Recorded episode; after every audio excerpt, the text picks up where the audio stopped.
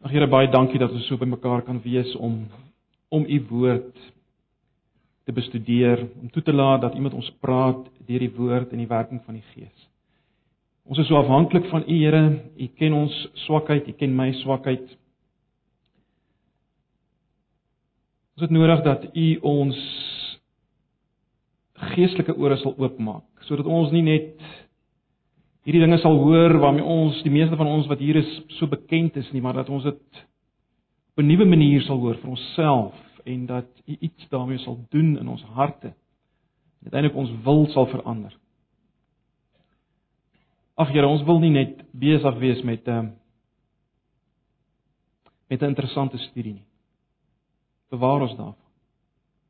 Ons wil werklik dat hierdie woord inslag vind in ons elke dag se lewe, ons opstaan elke dag.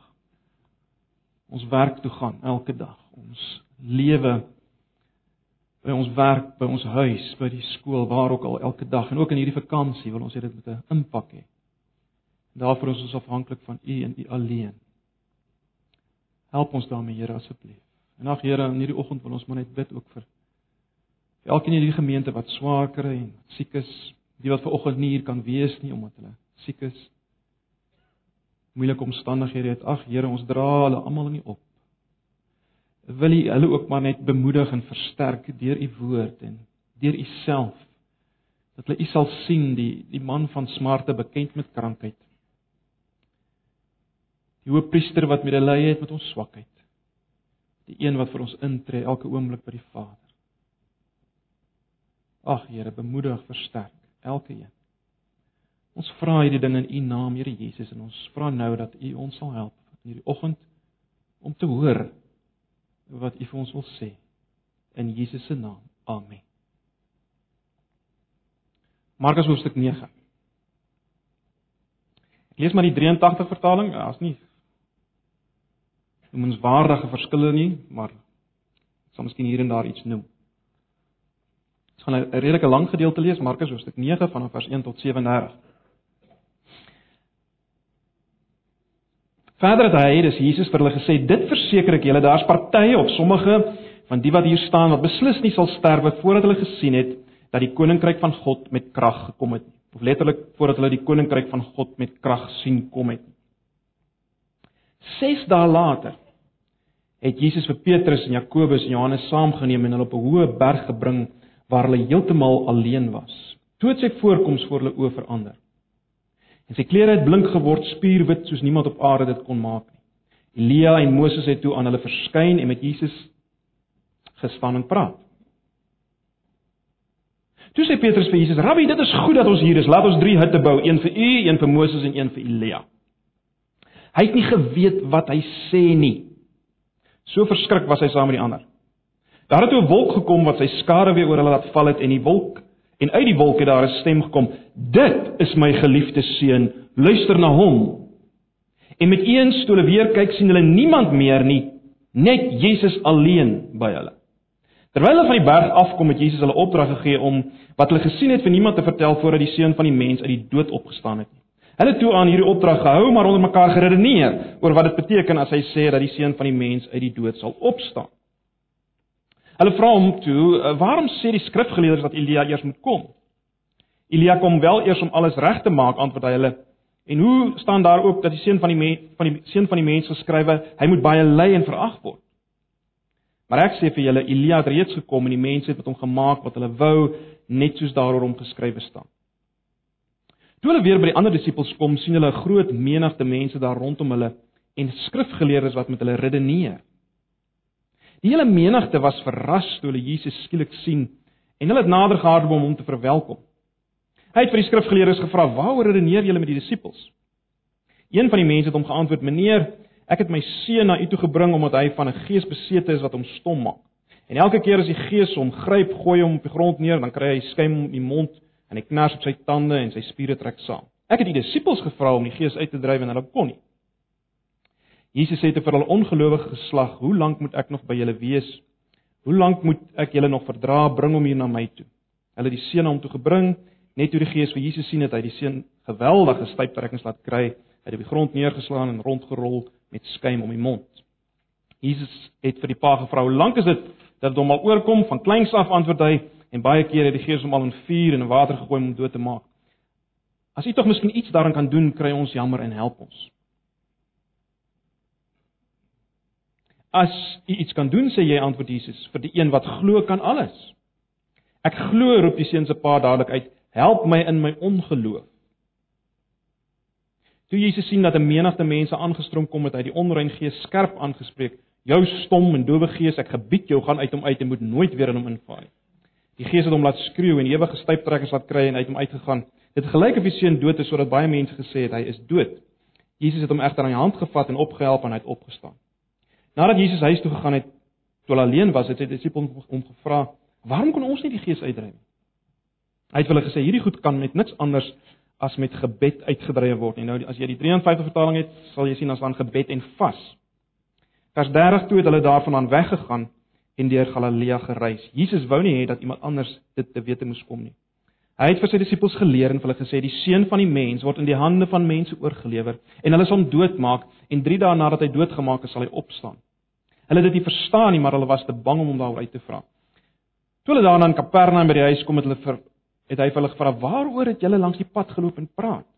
Hulle het egter niks geantwoord nie, want hulle het langs die pad met mekaar gestry oor wie van hulle die belangrikste is. Jesus het gaan sit en die 12 geroep. Hy sê te hulle: "As iemand die eerste wil wees, moet hy die heel laaste en almal se dienaar wees." Toe het hy 'n kindjie geneem en hom tussen hulle laat staan. Hy het sy arm om hom gesit en vir hulle gesê: "Elkeen wat so 'n kindjie in my naam ontvang, ontvang my, en elkeen wat my ontvang, ontvang nie net vir my nie, maar ook vir hom wat my gestuur het." Ons lees net so ver. Broers en susters, uit aardse saak kan ons nie aan alles eweveel aandag gee vanoggend nie. Dis 'n langerige stuk, maar ek glo dat uh uh julle tog die groot lyn gaan optel wat ek glo die Here wil hê ons moet hier sien. Ek het op 'n stadium gelees en dat 'n baie bekende dokter ges, gesê het dat die die hedendaagse pasiënt soek eintlik net medikasie uh wat dit vir hom onnodig maak om sy manier van lewe te verander. Met ander woorde, eh, die pasiënt wil aangaan soos hy altyd geleef het, maar hy wil darm 'n pil kan sluk of uh, medisyne kan drink wat omred van die gevolge van sy verkeerde lewenstyl. Sy in hierdie geval waarskynlik sy ongesonde lewenstyl. Nou broers en susters, dis ongelukkig so dat die Christelike lewe dikwels so benader word deur mense. Of wat ek so stel, iets van hierdie benadering sien mense dikwels in die Christelike lewe. Ons wil met desperaatheid glo dat dat al ons probleme opgelos sal word as ons net die regte pil kry. Net die regte knoppie kan eh, kan druk by wyse van spreek. En daarom soek ons na een of ander belewing of 'n boek of 'n boodskap wat ons in 'n oogwink kan verander en op 'n hoër vlak kan bring bo die algemene geworstel van elke dag sonder uh dat dit eintlik iets van ons vra, né? Nee, sonder dat dit eintlik iets van ons sal kos. Nou, ons het verlede week gesien, uh as julle kan onthou dat Jesus dit baie duidelik maak, daar is geen kitsoplossing in die Christelike lewe nie. Daar was geen kitsoplossing vir hom nie, daar's nog minder 'n kitsoplossing vir ons. Onthou julle dit? Daar's nie 'n vinnige pad na verheerliking nie. Nie vir hom nie. Ook nie vir ons nie. Ons het gesien die pad van disippelskap. Die pad met ander woorde van Christen wees, want dis wat 'n Christen is. Die pad van disippelskap, die pad van Christen wees is die pad van navolging van Jesus en die evangelie met 'n kruis. En ons het mekaar gesê die kruis verwys na daardie wreedaardige instrument van teregstelling. En wat word tereggestel op hierdie wreedaardige instrument? Wel jy. Die diepste jy wat jy is.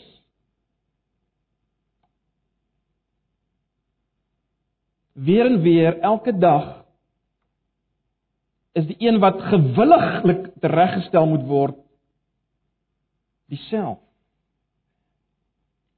Gedurig kom jy te staan elke dag voor die keuse van of my lewe behou en dit red of dit verloor vir Jesus en die evangelie ont, onthaalwe. Aan die ander kant. En die keuse vir hierdie laasgenoemde opsie, die keuse vir Jesus en die evangelie broers en susters, dit lei natuurlik tot 'n in ons daaroor gepraat tot 'n kruisiging van jouself. Dis onvermydelik. Dit is die voorskrif vir die Christelike lewe. Daar is nie 'n ander Christelike lewe nie. Daar is nie. En nou ons leef in 'n dag broers en susters wat dit nie meer gewild is nie. Ons hou nie van hierdie boodskap nie. Almal is Christene, maar hulle maak net hulle wil en leef net soos die wêreld. Dit stem nie ooreen met Jesus se weergawe. Dis die voorskrif vir die Christelike lewe, maar let wel. Hierdie voorskrif lei tot die behoud van lewe met 'n hoofletter, né? Nee, dis nie iets negatief. Dis iets ontsaglik positief. Wat jy behou is lewe. Ons het daarna gekyk. Die lewenstyl wat wat hierdie voorskrif wil ontduik. Die lewenstyl wat 'n vinnige pil wil sluk. word saamgevat in Jesus se woorde aan Petrus toe hy vir Petrus gesê het: "Gaan weg agter my Satan, want jy bedink nie die dinge van God nie, maar van mense." Dis hoe Jesus die lewenstyl saamvat wat na 'n vinnige oplossing soek. Maar goed, dit bring ons by vandag se gedeelte wat ons gelees het. In hierdie gedeelte kom Jesus weer en hy kyk as te ware of of sy disippels nou al verstaan waaroor disippelskap. En in die proses speel 'n geweldige interessante drama homself af. Kom ons kyk 'n bietjie daarna. Jesus begin met 'n baie aanloklike opmerking in vers 1. Hy sê vir hulle: "Dit verseker ek julle daar's party van die wat hier staan wat beslis nie sal sterwe voordat hulle gesien het dat die koninkryk van God met krag gekom het." Nou, die disippels kon waarskynlik gedink het wonderlik, met ander woorde, hierdie kruisdra storie is dit dalk nie so so ernstig nie. Dit dit lyk amper dit gaan nou verbygaan. Kom ons kyk bietjie hoe moet ons hierdie uitspraak verstaan. Waarna verwys Jesus as hy sê sommige of party uh van die wat hier staan sal sekerlik nie sterwe voordat hulle die koninkryk van God met krag sien kom het nie. Nou laat ek dadelik sê daar's verskillende opinies hieroor, hoor. Daar's verskillende opinies onder uh kommentatore oor hierdie gedeelte. Maar ek dink tog die verantwoordelikste is om te sê dat Jesus verwys hier na dit wat nou gaan gebeur, dit wat ons gelees het, die verheerliking op die berg. Hoekom sê ek so? Skus, as my so baie goeters het, stamp hier een of ander tyd iets om. Wel eerstens maak Markus en die ander evangeliste dit baie duidelik dat die verheerliking op die berg vind plaas 6 dae na hierdie woorde van Jesus. Met ander woorde, daar's 'n baie doelbewuste tydsaanduiding, né? Nee. Met ander woorde Jesus sê sommige van die wat hier staan sal nie sterf voordat hulle die koninkryk van God met krag sien kom dit nie en dan sê die teks 6 dae daarna en dan die gedeelte oor die verheerliking op die berg. Met ander woorde hierdie doelbewuste tydsaanduiding gee vir ons uh, 'n aanduiding dat daar 'n duidelike verband is. Verder sê Jesus party van hier party van julle wat hier staan. Nie almal nie. Sommige van julle wat hier staan, sal die koninkryk van God met krag sien kom. En dan vat hy net Petrus, Jakobus en Johannes saam, net 3. En dan word jy sal sien dit dui tog daarop dat dit is waaroor dit hier gaan. Dan is daar natuurlik 'n baie interessante aanduiding van Petrus self as Petrus later skryf in sy boek 2 Petrus 1 vers 16. Luister 'n bietjie na 2 Petrus 1 vers 16. As jy wil kan jy dit naslaan. Ek gaan die 53 vertaling lees. Luister na 2 Petrus 1 vers 6. So Petrus, een van die ouens wat hier was, skryf die volgende in sy brief. Hy sê want ons het nie kunstige verdigte fabels nagevolg toe ons julle die en luister nou na, na die woorde. Toe ons julle die krag en koms van ons Here Jesus Christus bekend gemaak het nie, maar ons was aanskouers van sy majesteit. Vers 17 wat hy het van God die Vader eer en heerlikheid ontvang toe hierdie stem uit die luisterryke heerlikheid tot hom gekom het. Dit is my geliefde seun in weke welbehaag. En hierdie stem het ons uit die hemel hoor kom toe ons saam met hom op die heilige berg was. sien julle die ooreenkomste? En as mens nou onthou dat die koninkryk van God uiteindelik verskyn toe Jesus aanvanklik verskyn het. Onthou julle sy eerste boodskap? Die koninkryk van God het naby gekom. Bekeer julle en glo die goeie nuus. Hy sê dit toe hy verskyn, toe hy begin optree. So ek dink ons kan met redelike sekerheid sê dat waarna Jesus verwys het in vers 1 is dit wat op die verheer op die berg van verheerliking plaasvind as Jesus die vergestalting van die koninkryk in heerlikheid sigbaar word. Kom. Maar kom ons kyk nou na hierdie drama wat hom hier afspeel. Want dit is belangrik vir ons verstaan van die Christelike lewe. Nou, in die eerste plek vind hierdie gebeure waarskynlik in die nag plaas. Hoekom sê ons so wel Jesus het gewoonlik in die nag gaan bid en uh dit word nogal bevestig deur die ander evangelies as ons sien byvoorbeeld in Lukas 9 dat die disippels in die slaap was. Hulle was deur die slaap nog as hierdie dinge gebeur. 'n Volgende interessante ding is Petrus se teenwoordigheid. Petrus word saamgeneem. Dis baie interessant. Petrus die mondstuk van die disippels aan die een kant, maar Petrus die agent van die Satan aan die ander kant. Julle onthou hoe Petrus nou alreeds as te ware die rol van Satan vervul teenoor Jesus in die vorige gedeelte, né? As Jesus hom bestraf. Gaan weg agter my Satan. En baie belangrik, hy het nie self saamgegaan nie. Jesus vat hom saam. En dit herinner mense nogal aan die Heilige Gees wat Jesus in die woestyn indryf om deur die Satan versoek te word, né? Nee, ons kry amper iets daarvan. Petrus word doelbewus saamgeneem vir dit wat hier gaan gebeur, vir dit wat die Here hier wil openbaar aan sy mense, word Petrus saamgeneem. Maar kom ons kyk 'n bietjie na na die betekenisvolheid van die berg. Ek dink tog die tafel is hier gedek vir iets spesiaals, né? Nee. Uh die tafel is hier gedek vir 'n moment van openbaring, want in die Bybel is berge gewoonlik plekke van goddelike openbaring. Ag julle sal weet, né? Nee. Op Moria, voorsien God op 'n wonderlike wyse 'n lam in die plek van Isak. By Horeb openbaar God homself in 'n brandende bos aan Moses, geweldige gedeelte. Op Sinai word die ou verbond gegee aan Moses op die berg. Op Horeb weer 'n keer uh beleef Elia God in 'n sagte koelte. En op Karmel dieselfde Elia beleef God in al sy krag daar. God word gesien in sy heerlikheid op Karmel as as hy homself in vuur weer eens openbaar en die profete van Baal uitgewis word. So Dit is 'n betekenisvolle plek, 'n plek van openbaring, die berg. En wat gebeur dan hier? Wel, iets geweldig. In vers 2 sien ons dat Jesus het voor hulle sy voorkoms het voor hulle verander.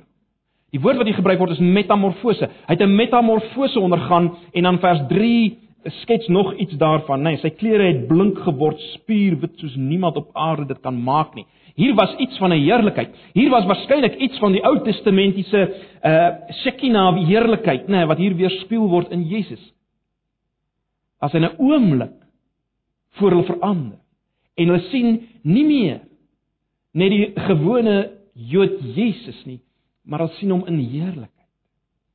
Dit moes geweldig gewees het broers en susters.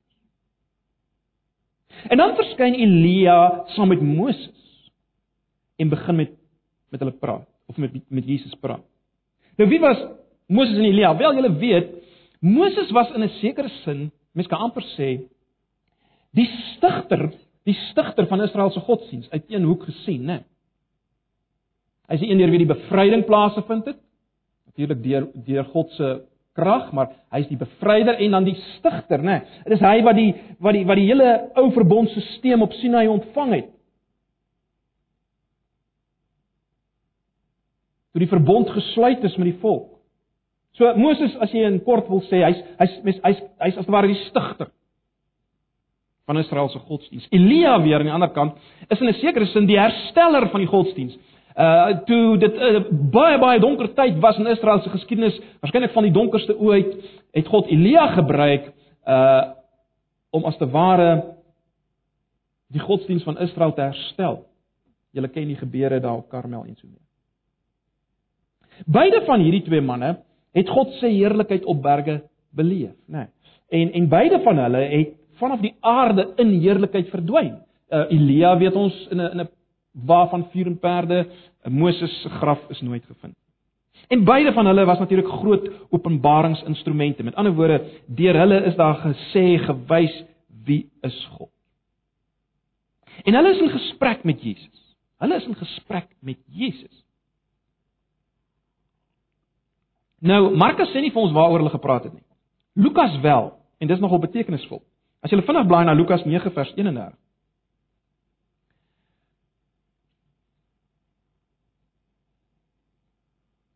Ekskuus, en ek ja, is dit vers 31, ja. Ons lees daar hulle, dis nou Moses en Elia het in hemelse glans verskyn en met hom gepraat oor sy uittog wat hy in Jerusalem sou voltooi. Letterlik sê Exodus wat hy in Jerusalem sou voltooi. Nou sonder om lankie op in te gaan. Ek dink ek ons kan vir mekaar sê dat hierdie ouens Moses en Elia het geweet wat wag vir Jesus. Hulle het geweet van die kruisiging, eh, van die van die groot uittog wat gaan plaasvind. Uh die paaslam, die finale paaslam wat geslag gaan word en wie se bloed gaan vloei. Hulle het geweet hiervan en dis waaroor hulle gepraat het met Jesus. In ander woorde, in kort sou ons kon sê Moses en Elia praat oor die kruis met Jesus. Plaas die kruis voor Jesus as jy wil. Maar baie belangrik, kyk nou na Petrus. Wat doen Petrus? Kyk na vers 5. Toe sê Petrus vir Jesus: "Rabbi, dit is goed dat ons hier is. Laat ons drie hutte bou, een vir u, een vir Moses en een vir Elia." Wat gebeur hier, broers en susters? Wel, Petrus wil hierdie oomblik van heerlikheid vasvang, né? Per implikasie sê Petrus, kom ons bly hier. Dis so wonderlik hier. Kom ons bly net hier. Ons kan vir vir u en vir Elia en vir Moses elkeen 'n hut bou, letterlik 'n tabernakel. Is dis eintlik wat daar staan, né? Nou, kom ons bou vir elkeen so 'n tabernakel. Kom ons bly net hier in heerlikheid. Kom ons vergeet as te ware die wêreld daaronder aan die voet van die berg. Met al sy ellende al sy sonde, al sy pyn. Kom ons vergeet dit. Kom ons vir ewig hierdie oomblik. Dis eintlik wat Petrus hier sê. Kom ons bly net hier. En so verdien Petrus weer eens die titel Satan. Hoekom? Jy sien in Caesarea Philippi wou Petrus die kruis omseil of hy wou gehad het Jesus moet die kruis omseil en natuurlik dan hulle self ook. Uh in Caesarea Philippi wou hy gehad het Jesus moes die kruis omseil deur deurdat hy in 'n negatiewe sin beswaar gemaak het. Hy sê nee, dit kan nie wat se so goed praat u nou Jesus? U kan mos nie gekruisig word nie, is dan die Messias. So in 'n negatiewe sin wil hy daar hê Jesus moet die kruis omseil. Hier wil hy dit as jy dit so kan stel in 'n positiewe sin doen. Kom ons bly net hier. As ons hier bly, eh, dan is daar nie 'n pad van die kruis nie. Dan is Golgotha nie nodig nie. Kom ons bly net hier. Hierdie heerlikheid, ons vat dit vas. Ons bly net hier. Kom ons verleng hierdie oomblik. Nou Waarskynlik het Petrus gedink dat dat as mens nou terugdink aan Jesus se opmerking in vers Waarskynlik het hy oor die koninkryk van God ook nie reg gedink hier nie, né? Hy het gedink wel die finale gestalte gaan nou plaasvind. En dan word hy nie net gedink in terme van Jesus nie, en dit is baie duidelik in die res van die konteks ook, né? Hy, hy wou die die oomblik vasvang. Dit wat daar gebeur.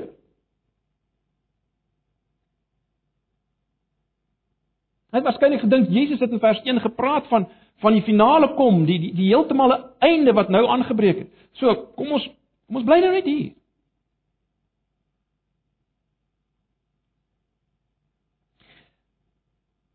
Broers en susters, ek dink ons sal verkeerd wees as ons nie as ons as ons dink dat dit nie 'n versoeking was vir Jesus om hierdie oomblik vas te vang. Weereens. Dink ons sal verkeerd wees as ons dink dit was nie 'n ontsaglike versoeking vir Jesus.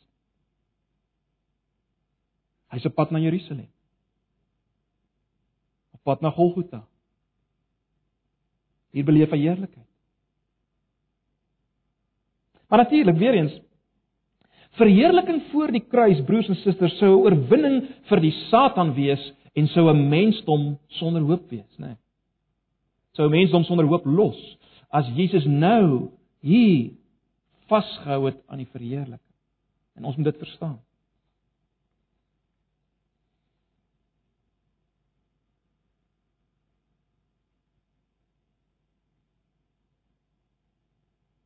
Het julle gesien wat gebeur nou hier in die teks, die volgende ding? Terwyl hulle nog so verbaas is oor Petrus se impulsiewe maar tog aanloklike voorstel, kom daar hierdie stem uit die hemel. Dit is my geliefde seun. Luister na hom. Op hierdie oomblik, waar Petrus hierdie hierdie betekenisvolle opmerking kom hierdie stem uit die hemel. Dit is my geliefde seun, luister na hom. Nou broers en susters, God die Vader maak nie baie opmerkings vanuit die hemel nie. As hy so 'n opmerking maak, is dit 'n opmerking wat gelaai is met ewigheidsbetekenis. En dis presies wat hier gebeur. Ek dink dit is onmoontlik om om in 'n sin vanoggend alles vas te vang wat opgesluit lê in hierdie woorde. Maar ten minste sê dit die volgende. Ek gaan net so een of twee goed uitlig. Ten minste sê dit vir ons dat dat God dit baie duidelik maak dat Jesus is groter as Elia en Moses. Hy's meer as hulle. Ag en mens sou in 'n sekere sin ook kon sê dat dat Moses verteenwoordig die hele Ou Testamentiese bedeling, né? Nee, ons weet uh, dat die eerste 5 boeke word aan hom toegeskryf. Uh die hele Torah. En en en Elia kan mens sê staan amper vir die profete hoe jy ook al daarna kyk, die punt is hier Jesus is groter, Jesus is meer. Jesus is die is die finale een. Kyk, God was by tye vertoorn op Moses en Elia, hoor, moenie 'n fout maak. Maar Jesus is die is die geliefde seun. Daar moet na hom geluister word. Baie interessant, dis natuurlik 'n betekenisvolle uh ding wat wat die stem in die hemel sê, want dit herinner aan Deuteronomium 18 vers 15. Onthou julle daai profesie? Deuteronomium 18 vers 15 tot 19. Julle kan dit naslaan of luister maar net. Deuteronomium 18 vers 15 tot 19. Baie betekenisvol. Luister mooi. Dis al daai tyd gesê. 'n Profeet uit jou midde, uit jou broers, soos ek is, sal die Here jou God vir jou verwek Na hom moet julle luister. Dit word vir Moses gesê. Na hom moet julle luister.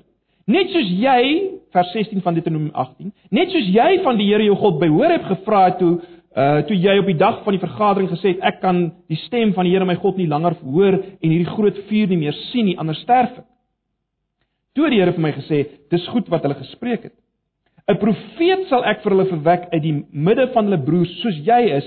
Ek sal my woorde in sy mond lê en hy sal aan hulle alles sê wat ek hom beveel.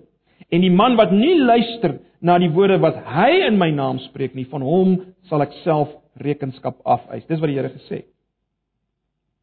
Maar baie duidelik, dan was hierdie belofte in Deuteronomium 18 van 'n groter profeet as Moses en na hom moet daar geluister word. So, die, die eerste ding wat ons moet raak sien is dit Jesus is groter as Elia en Moses en alles waarvoor hulle staan en alles wat hulle gesê het. Hy's groter. Ek het nou reeds daarop gesin speel. Hy is God se laaste woord. Ag ons ken almal Hebreërs 1 nou al so goed, né? Nee.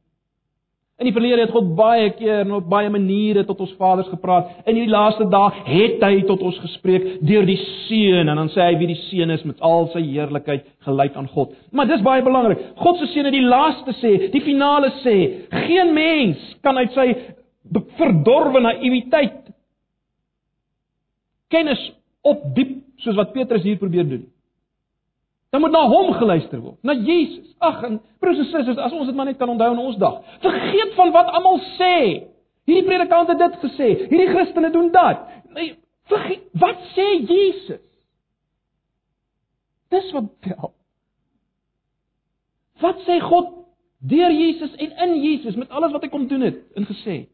Dis God se woord. Dis wat God wil sê. So Jesus is groter.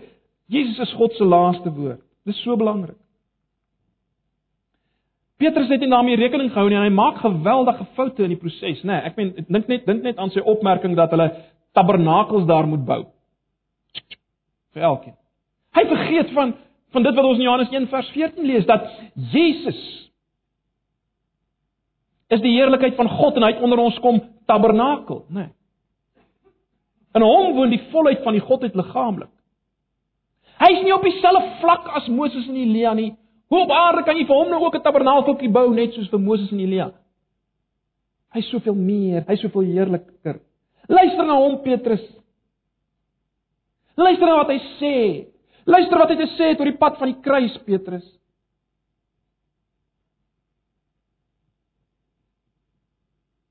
Geweldig betekenisvol. Die volgende ding wat ons hier sien is dit.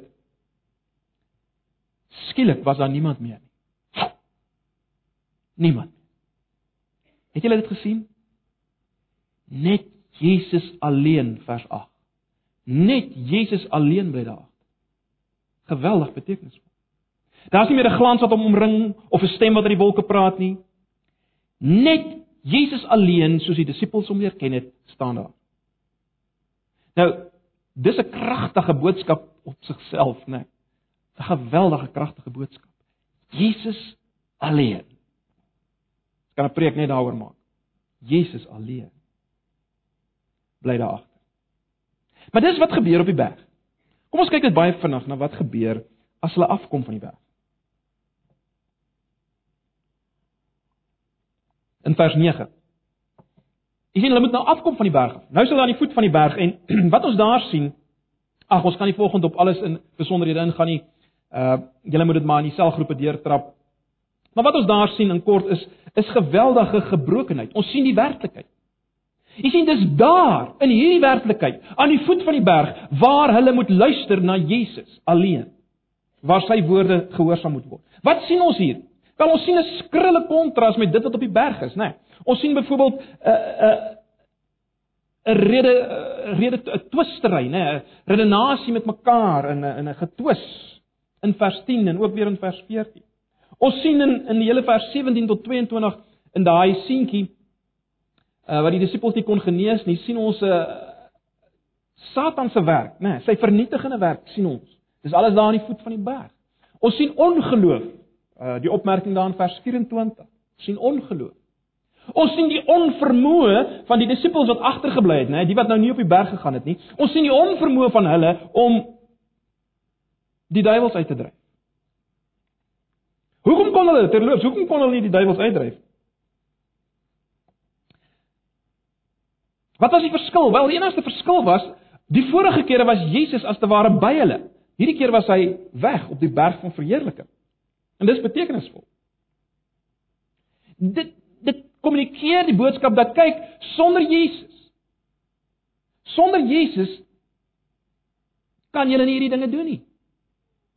En daarom as Jesus die rede gee waarom dit nie kan doen nie, dan sê hy hulle gaan uit deur gebed en vas. Dis die meer oorspronklike weergawe. Maar as jy net wil gebed daar hou, is dit is dit goed so.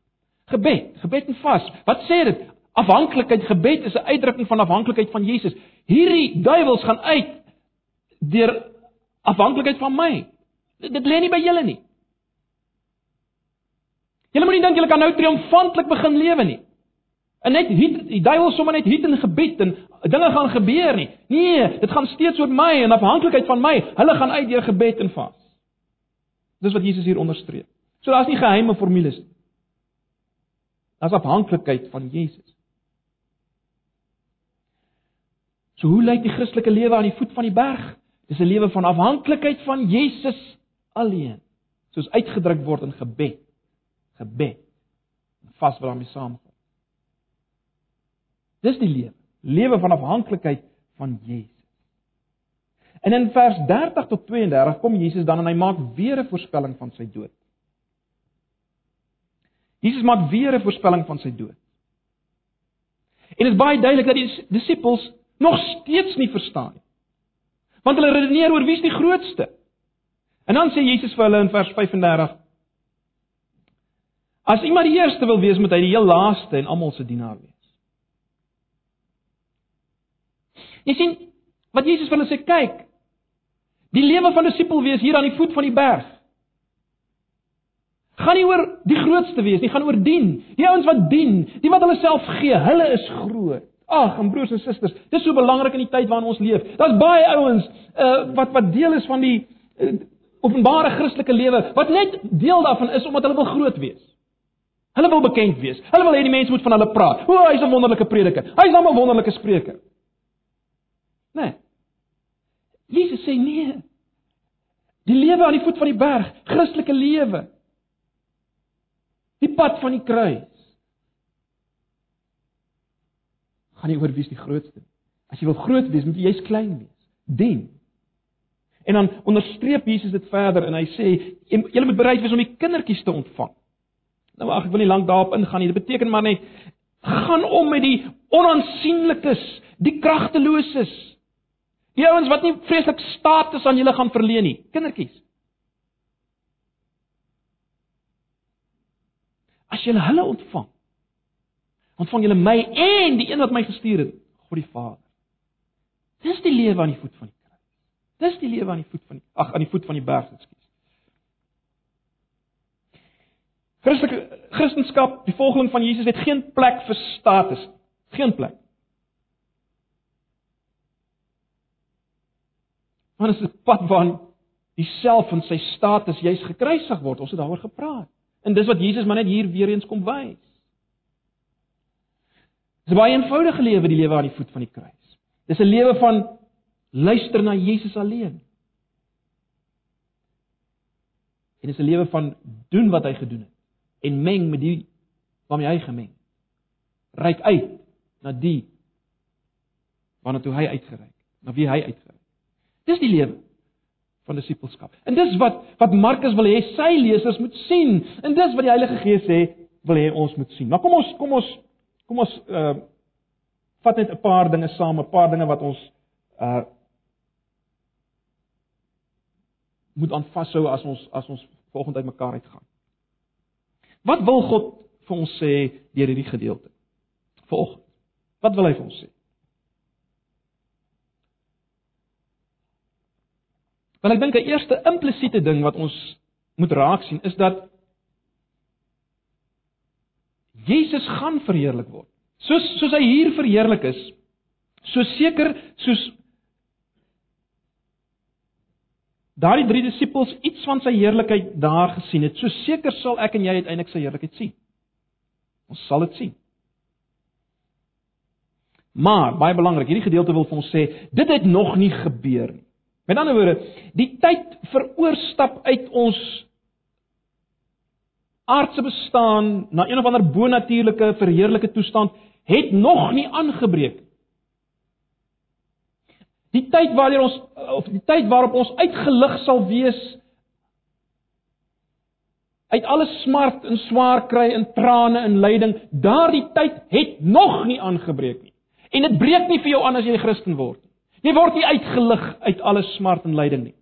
Die punt wat hierdie gedeelte maak is dit: in hierdie bedeling moet ek en jy by wyse van spreuke nog berg af.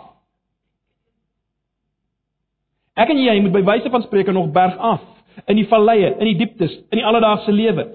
Ag, ons sou dit so graag anders wou gehad het, maar daar's geen kortpad nie.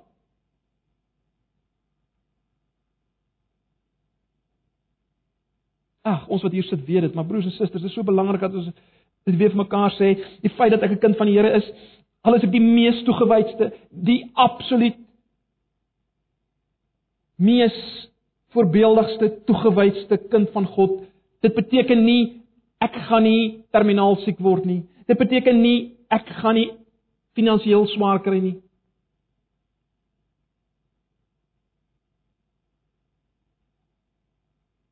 En so kan ons aangaan.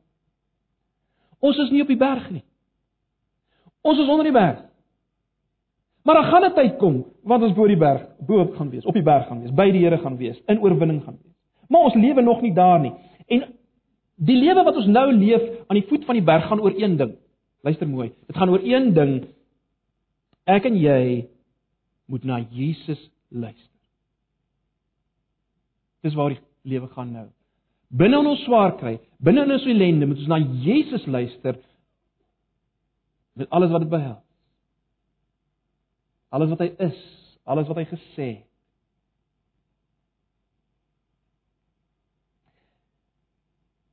Daarmee sê ek nie vir oggend broers en susters dat daar nie sekere tye is waarop ons bergtop ervarings kan hê nie, oomblikke van wonderlike belewing nie. Miskien in 'n erediens, miskien in 'n gebedsgeleentheid, deur die lees van 'n boek, wat dit ook al mag wees, tye waarin ons opgelig word as te ware nie. Maar dit sal verbygaan. En as dit verbygaan, moenie dink dis omdat noodwendig omdat jy nou in sonde geval het of iets. Nee.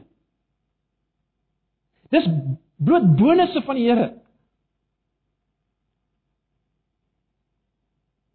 Maar dit gaan verby en as dit weer net jy alleen saam met Jesus aan die voet van die berg. Hou aan hom vas. Hy sal jou die krag gee. Das blykbaar in die sogenaamde San Marco Museum in Florence is daar blykbaar 'n baie merkwaardige skildery deur die 15de eeuse kunstenaar ehm, Fra Angelico. Dis 'n uitbeelding van dit wat ons hier gelees het van die verheerlikte Christus op die berg. Die fokuspunt van hierdie skildery is die Christusfiguur.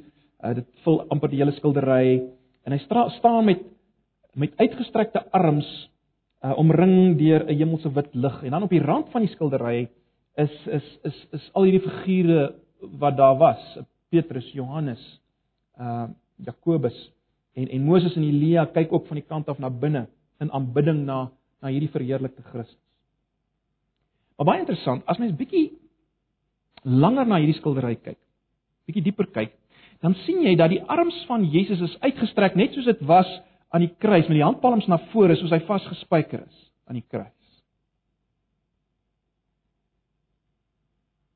Dis wat jy sien. En broers en susters, die verheerliking op die berg wil soos hierdie skildery sê dat die verheerlikte Jesus is ook die gekruisigde Jesus. Dit wil vir ons sê die verheerliking van Jesus kon nie kom voor die kruisiging nie. En dit wil ook vir ons sê dat Jesus se heerlikheid op aarde het eintlik juis gelê in sy kruis. En dit het implikasies ook vir ons, né? Nee. Ja, aan die een kant is ons reeds verheerliktes. Maar in die wêreld is ons en leef ons as gekruisigdes.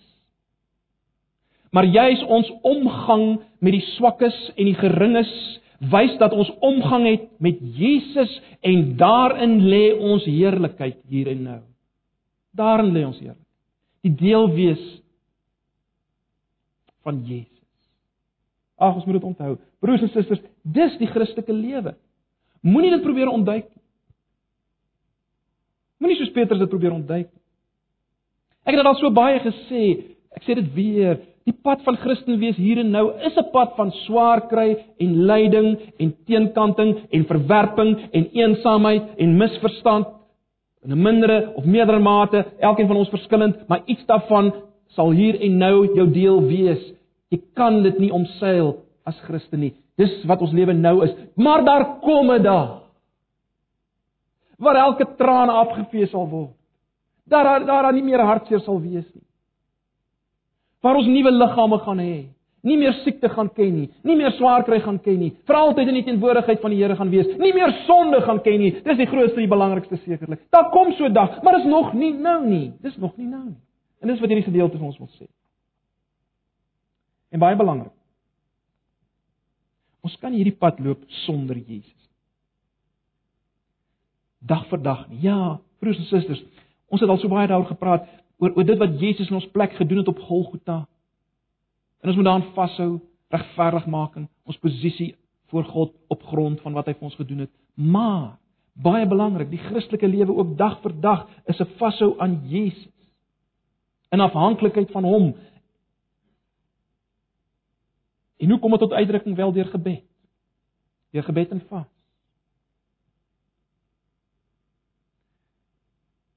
Ons deel wees aan hom, ons vas van hom kom tot uitdrukking deur ons omgang met die onaansienlikes, die minstes, deur dienaar te wees. Dis die lewe hier en nou.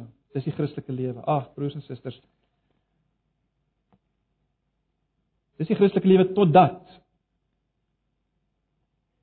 Jesus sal kom of ons sal sterf en ons hom met heerlikheid sal sien. Die finale heerlikheid. Die finale verheerliking op die berg. Dis die Christelike lewe. Ag, mag die Here ons help om dit te vat.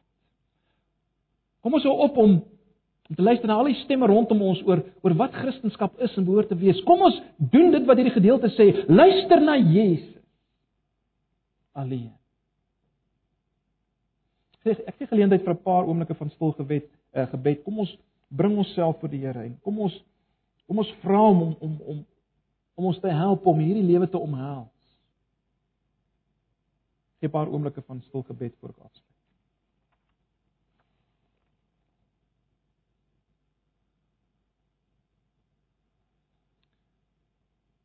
Here baie dankie vir u woord vanoggend.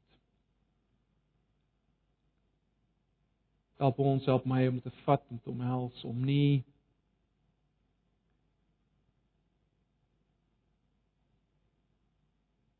daarin te skop en juis dit te probeer ontduik nie. En in die proses probeer om ons lewens te behou en dit te verloor nie.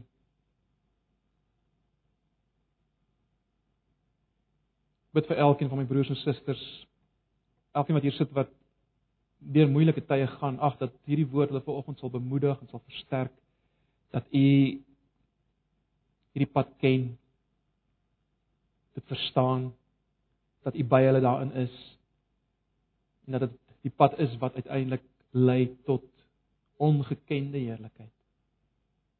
Ek bid vir hulle wat volgens hier sit wat dalk nog nooit na u gevlug het nie, wat nog leef vir die wêreld, die plesier en die vreugde wat die wêreld kan bied.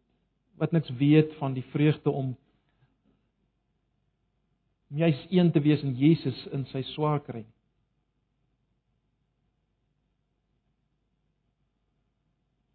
Ek bid vir hulle. Ek wil bid dat U hulle na U toe sal dryf op een of ander manier deur die werking van die Gees in die woord.